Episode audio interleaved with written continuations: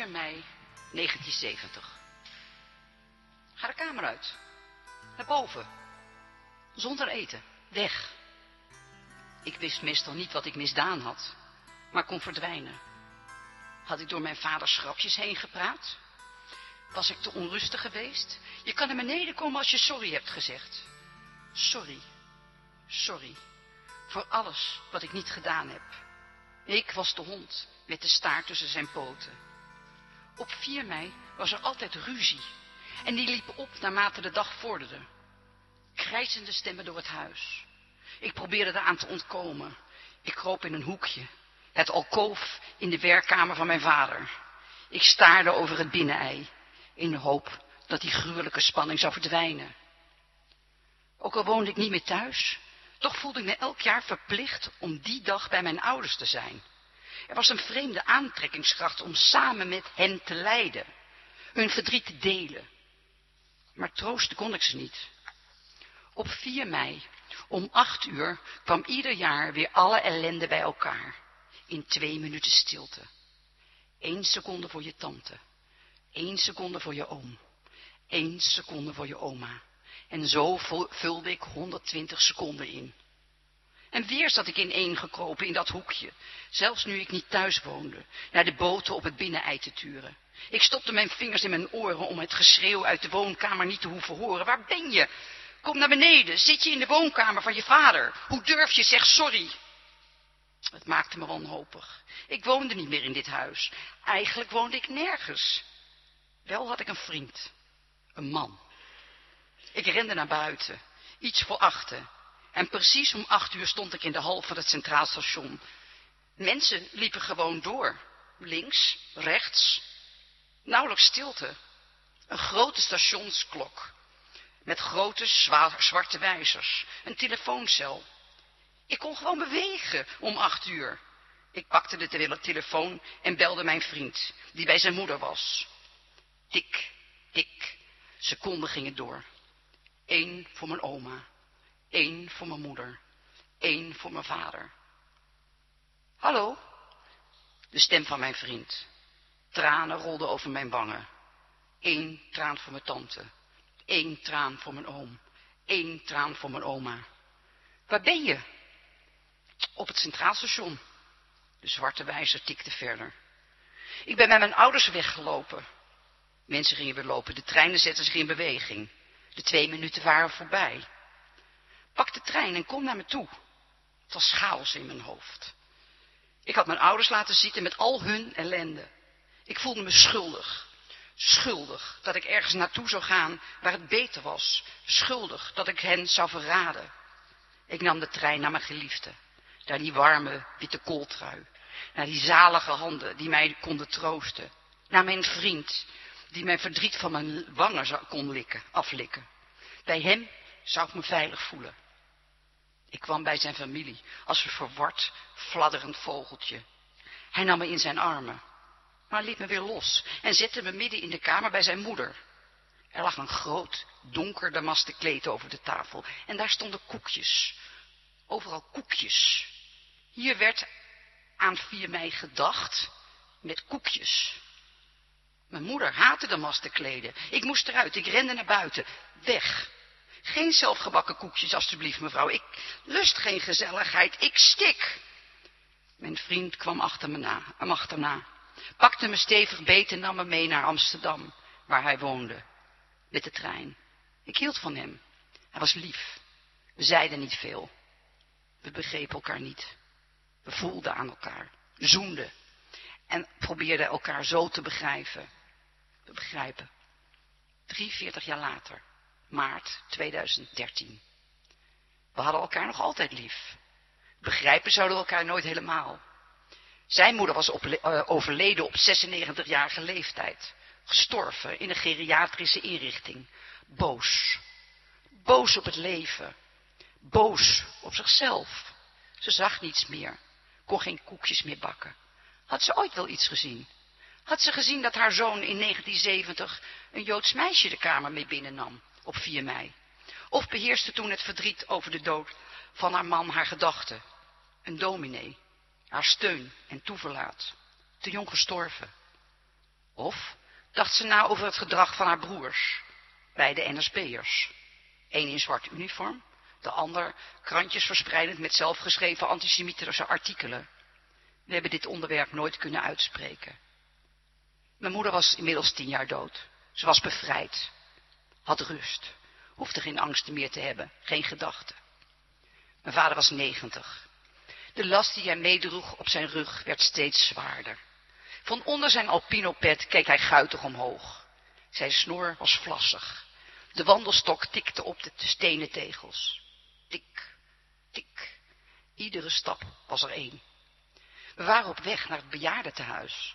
Er bleek een plekje voor hem vrijgekomen te zijn. Hij kon daar op korte termijn zijn intrek nemen. Maar wilde die wel? Of wilde die niet? Hij wilde wel, hij wilde niet. We zaten in een ruime hal te wachten. Hij probeerde zijn stok aan de rugleuning van de stoel te hangen. Onhandig sloeg hij ermee tegen mijn kuit. Tik.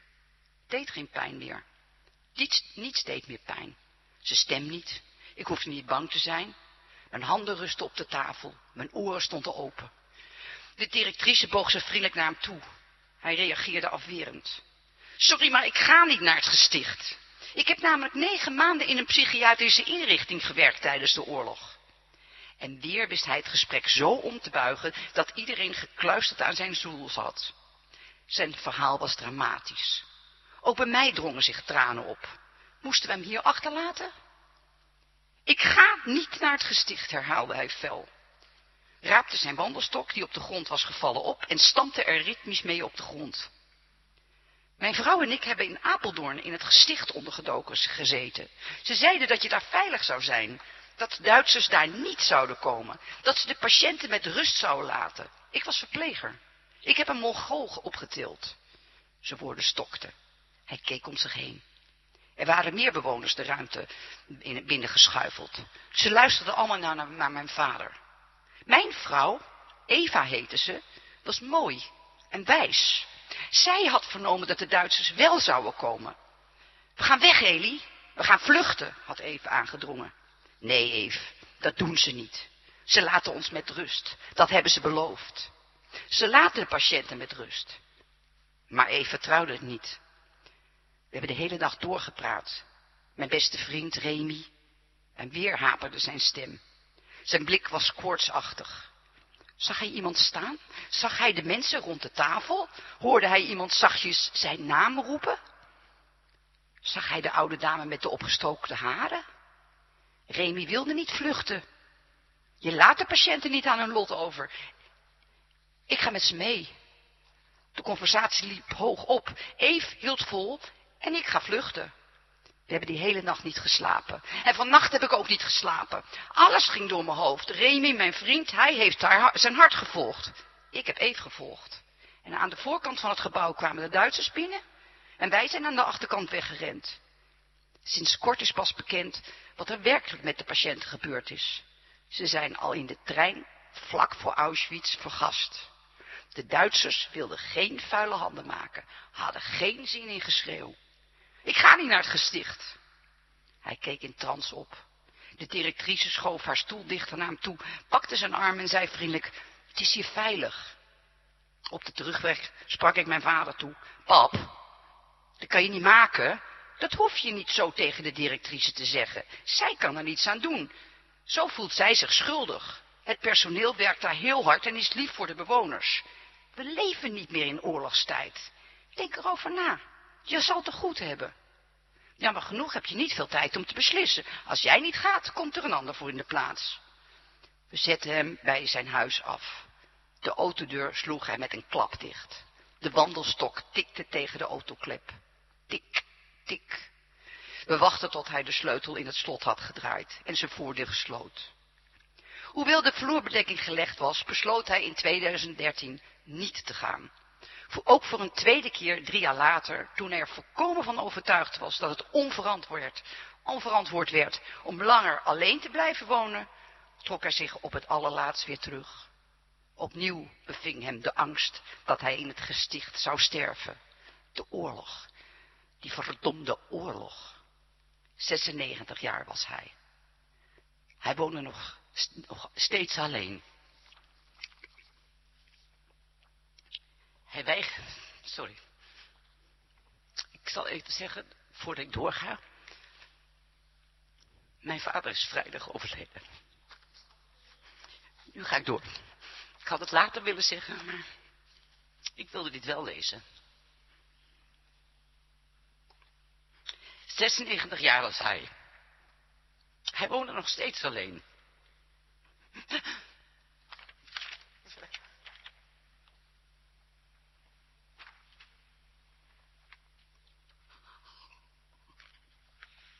Dit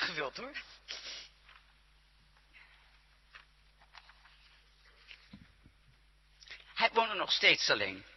Hij weigerde zijn huis uit te gaan. Zijn stok wachtte aan de kapstok. Veel kwam hij niet meer buiten. Hij schuifelde door zijn huis. Seconden tikten voorbij. Eén voor zijn vader. één voor zijn moeder. één voor zijn zusje. Allemaal vermoord. Hij kon ze niet loslaten. Tot een half jaar geleden belde ik hem bijna dagelijks. Ik wilde hem niet aan zijn lotte overlaten. De gesprekken waren een herhaling van stappen. Oorlog. Oorlog. Links. Rechts. Ik had weer een vreselijke nacht, zei hij met gebroken ochtendstem. Als wij niet gevlucht waren, was jij er nooit geweest. Eve en ik, ik begin alles door de war te halen. Verleden tijd, tegenwoordige tijd. En daarna werd het stil aan de andere kant van de lijn. Waar gaan jouw nachtmerries over? Over die beelden op de televisie. Ik kan ze niet verdragen, die treinen uit Syrië, die vluchtende massa mensen voor het Assad-regime, die arme kinderen, ze lopen en lopen. Waar kunnen ze heen? Ze hebben het koud, niemand wil ze helpen. Zo liepen wij ook in 1943, Eve en ik. Hadden het ook koud. Houd het dan nooit op. Ik kan er niet meer tegen. Help me. Ik zal morgen bij je langskomen. Aangedaan staarde ik naar mijn mobiel. Beelden van graaiende uitgestrekte armen uit een treinraam dansten voor mijn ogen. Te veel mensen op een station bij de grens van Macedonië, die de trein in wilden. Soldaten die met geweerkolven de massa tegenhielden op een station in Turkije. Een vrouw die in paniek en een kind door het raam probeerde binnen te duwen. Het jongetje krijste, mama, mama. Zijn hand stak uit het raam. De trein reed weg. Waar naartoe? Vond hij zijn moeder ooit terug? Zoals beloofd stond ik de volgende dag voor de deur. Heb je vannacht beter geslapen? vroeg ik terwijl hij me binnenliep. Hij glimlachte en liep langzaam voor me uit. Traag schoof hij de stoel naar achteren en gebaarde me tegenover hem te gaan zitten. Zijn armen leunden op de tafel. Ik legde mijn hand op de zijne. Ik glij langzaam het leven uit, zei hij traag. Ik tilde met mijn hand zijn hand naar zijn wang. Mijn andere hand ging automatisch naar zijn andere wang. Ik voelde zijn vlezig vel. Bijna onhoorbaar fluisterde hij. De wereld is veranderd. Het is misschien nog wel erger nu. Mensen die zichzelf opblazen. Auto's die op mensen inrijden. Gifgas. Laat me los, pap. Jij hebt je werk gedaan. De klok sloeg tweemaal. Tik, tik. Hoor je dat? Hij wees naar de pendule.